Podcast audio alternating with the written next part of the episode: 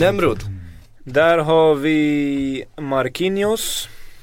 Oj. Som eh, ingen trodde på mig när jag sa att han skulle bli en av världens blivande bästa mittbackarna. Och det var för att han spelade i Roma, alla trodde jag var färgad, det tror säkert ni med nu när jag valt Vi honom. vet att du är färgad. Ni vet att jag är färgad till och med i rött och gult men... Jag tror du ska göra scoutrapport på Totti här, jag är rätt säker på Ja, det. ja, ja, det beror ju på, det beror ju på till vad alltså. det, ja.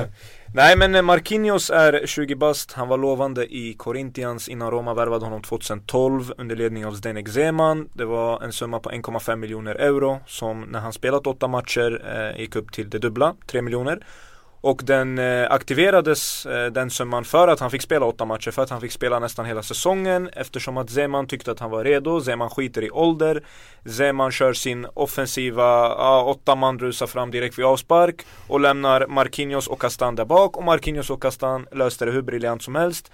Han är en modern mittback, trygg, bollskicklig och eh, väldigt säker i sitt spel, väldigt elegant han gick till PSG sen för eh, förra sommaren för drygt eh, 30 miljoner euro vilket gjorde honom till världens tredje dyraste försvarare som 19-åring och eh, ja, nu är han världens fjärde dyraste när David Luiz har kommit. så han stod för tre, tre Champions League-mål i år och eh, kollar man på Roma så märktes inte hans frånvaro så mycket i och med att Benatia och Castan gjorde det helt brutalt bra. Det var ju liksom ett insläppt mål efter tio matcher. Det intressanta här blir om Marquinhos blir kvar i PSG eller inte. För att eh, David Luiz och eh, Thiago Silva är inte så unga, de är 27-29 år. Eh, och Barca har uttryckt sin beundran och sagt att vissa källor säger att de har skjutit fram ett femårskontrakt för att de vill värva honom. Så även om han hade funkat bra som rotation i den här helbrasilianska backlinjen så är frågan om han blir kvar. Jag ser honom som världens, alltså blivande bästa mittback som sagt. Tillsammans med Real Madrids eh, Rafael Varane.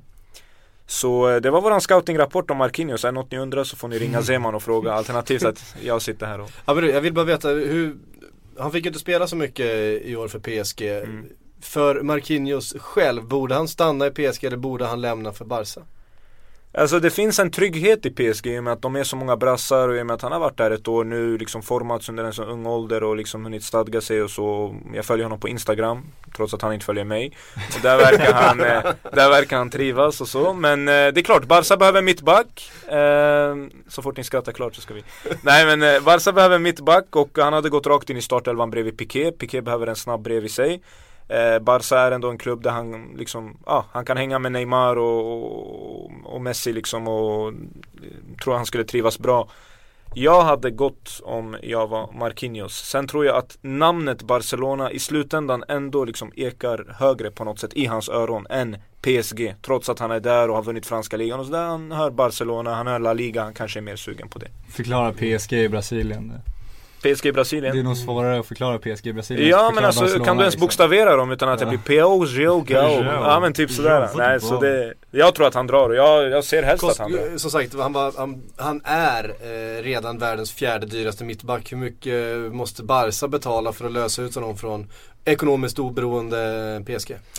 Bra fråga, jag tror att kung Sjögren har svaret på den. Ja men jag tycker det är ju det här FFP-grejen tycker jag är För, spännande. P, för för PSG måste ju, måste ju faktiskt se över sin ekonomi nu om de inte ska åka på fler straff. Så är det, men det, det fanns ju en poäng att betala dyrt också från början för att de, de vill ju liksom, alltså de investerar ju svintungt ett par år. Sen handlar ju det här om att plana ut för att möta FFP-reglerna och på så sätt liksom kunna leva som klubb. Har du investerat jättetungt och du har riktigt så här högt värderade spelare Då blir det ganska lätt att omsätta dem. Säljer Marquinhos då för 400 då har du väldigt mycket spelare att värva för helt plötsligt. Mm. Hade du köpt spelare som är lägre värderade som kanske är lite, lite sämre och inte har samma marknadsvärde och sådär.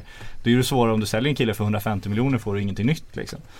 Så för att anpassa sig till de FFP-reglerna finns det en jättepoäng. Det är väl förmodligen därför de har köpt så extremt jävla dyra spelare. För det var ju brassarna åkte till VM med världens dyraste mittbackspar bara för att PSG betalt överpris för David Luiz och eh, rejält mycket för Thiago Silva. Och då hade de inte med Marquinhos. Nej, truppen. precis. Då petar de Marquinhos som världens fjärde dyraste spelare och så släpper de in flest mål i hela VM liksom. Mm.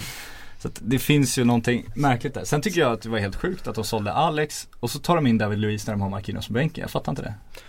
Ja, det är mycket vi inte fattar om PSG men det vi fattar om Barca det är att de behöver en mittback och PSG vet om det här. Så även om Barca kanske inte har den bästa ekonomin så de vet att, ja men Hummels eh, verkar vara på väg, alltså så som jag har förstått det kanske lite mer till United, Benatia, inte helt liksom Svår, Bayern- svårvärvad. Svårvärvad, Bayern München har varit där och nosat. Det kanske blir alltså att de får ja men nöja sig inom citationstecken med Marquinhos. Och då vet PSG om det här, de kanske avvaktar lite med flyt. Marquinhos har suttit på bänken väldigt mycket den gångna säsongen. Har han utvecklats någonting i PSG då sen han eh, lämnade för sommar? Ja det tycker jag ändå. Han har, han har fått spela Champions League som sagt, han har ju tre mål där och det är stor skillnad på att bara spela Serie A och sen spela Champions League. Nu är ju skillnaden mellan League 1 och Serie A kanske inte så stor. Men att han har fått spela liksom Champions League och att han har fått eh, ja, spela med mycket bättre spelare än vad han fick göra i Roma har förmodligen gjort att, alltså att han har utvecklats. Inte tillräckligt bra för att komma med i VM-truppen dock trots att han var världens, ja på den tiden, Borde, tredje borde ha varit med i VM-truppen. Alltså det blir också vem, vem ska nöta bänk? Det är det det handlar ja. om liksom. De hade ett, ett första par, sen handlar det om att hitta spelare som kan liksom kan ta den rollen. Ja men alltså om vi ska fortsätta på det färgade spåret så jag hade hellre sett Castan framför Enrique för Castan har varit helt brutalt bra i två säsonger nu. Det här var som mannen som lånades ut och inte in från Helsingborg. Han lånades ut från Helsingborg 2007, gick till Brasilien, köptes loss.